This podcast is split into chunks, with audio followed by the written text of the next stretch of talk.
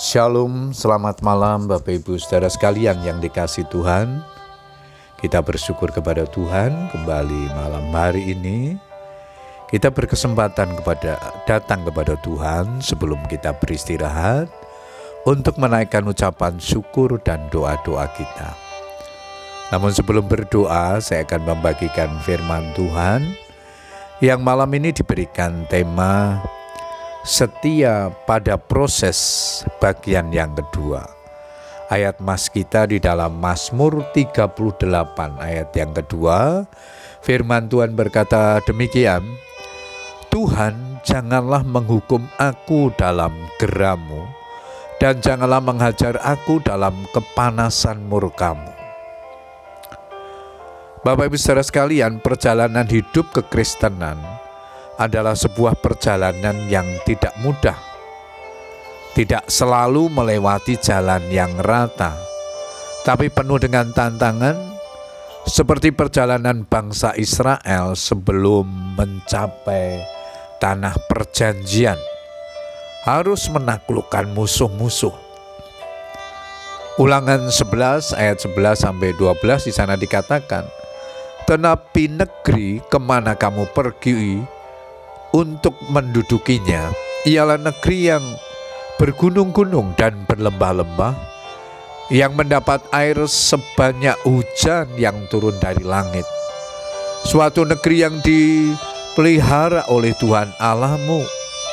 Mata Tuhan Allahmu tetap mengawasinya dari awal sampai akhir tahun.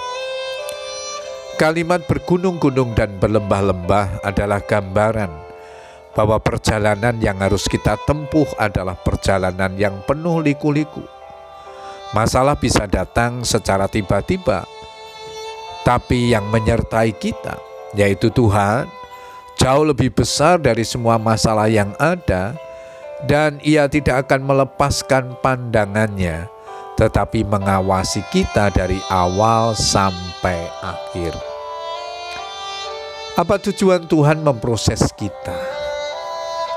Apabila bencana yang sedang dibuatnya dari tanah liat di tangannya itu rusak, maka tukang periuk itu mengerjakannya kembali menjadi bencana lain menurut apa yang baik pada pemandangannya.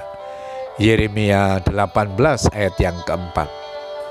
Tuhan perlu proses kita supaya kita memiliki kualitas hidup yang jauh lebih baik Semakin kita memiliki kehidupan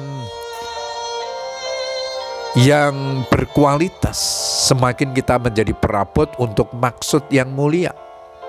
Tetapi Tuhan menggunakan masalah untuk mengembangkan karakter kita, menjadikan masalah sebagai latihan rohani yang bertujuan untuk menguatkan iman kita Jangan menjadikan masalah sebagai beban yang justru akan membuat kita semakin stres. Tetapi anggaplah sebagai kesempatan untuk lebih mendekat kepada Tuhan, mencari wajahnya lebih sungguh dan bergantung penuh kepadanya. Berdasarkan pengalaman penyembahan yang mendalam dan doa yang tulus dan murni, biasanya terjadi ketika seseorang dalam masalah yang berat. Mazmur 34 ayat 18-19 dikatakan, Apabila orang-orang benar itu berseru-seru, maka Tuhan mendengar dan melepaskan mereka dari segala kesesakannya. Tuhan itu dekat kepada orang-orang yang patah hati dan ia menyelamatkan orang-orang yang remuk jiwanya. Puji Tuhan Bapak Ibu saudara sekalian, biarlah kebenaran firman Tuhan yang kita baca dan renungkan malam hari ini menjadi berkat dalam hidup kita. Setialah pada proses yang Tuhan izinkan terjadi dalam hidup kita dan kita akan menikmati berkatnya, pertolongannya dalam kehidupan kita. Selamat berdoa. Tuhan Yesus memberkati. Amin.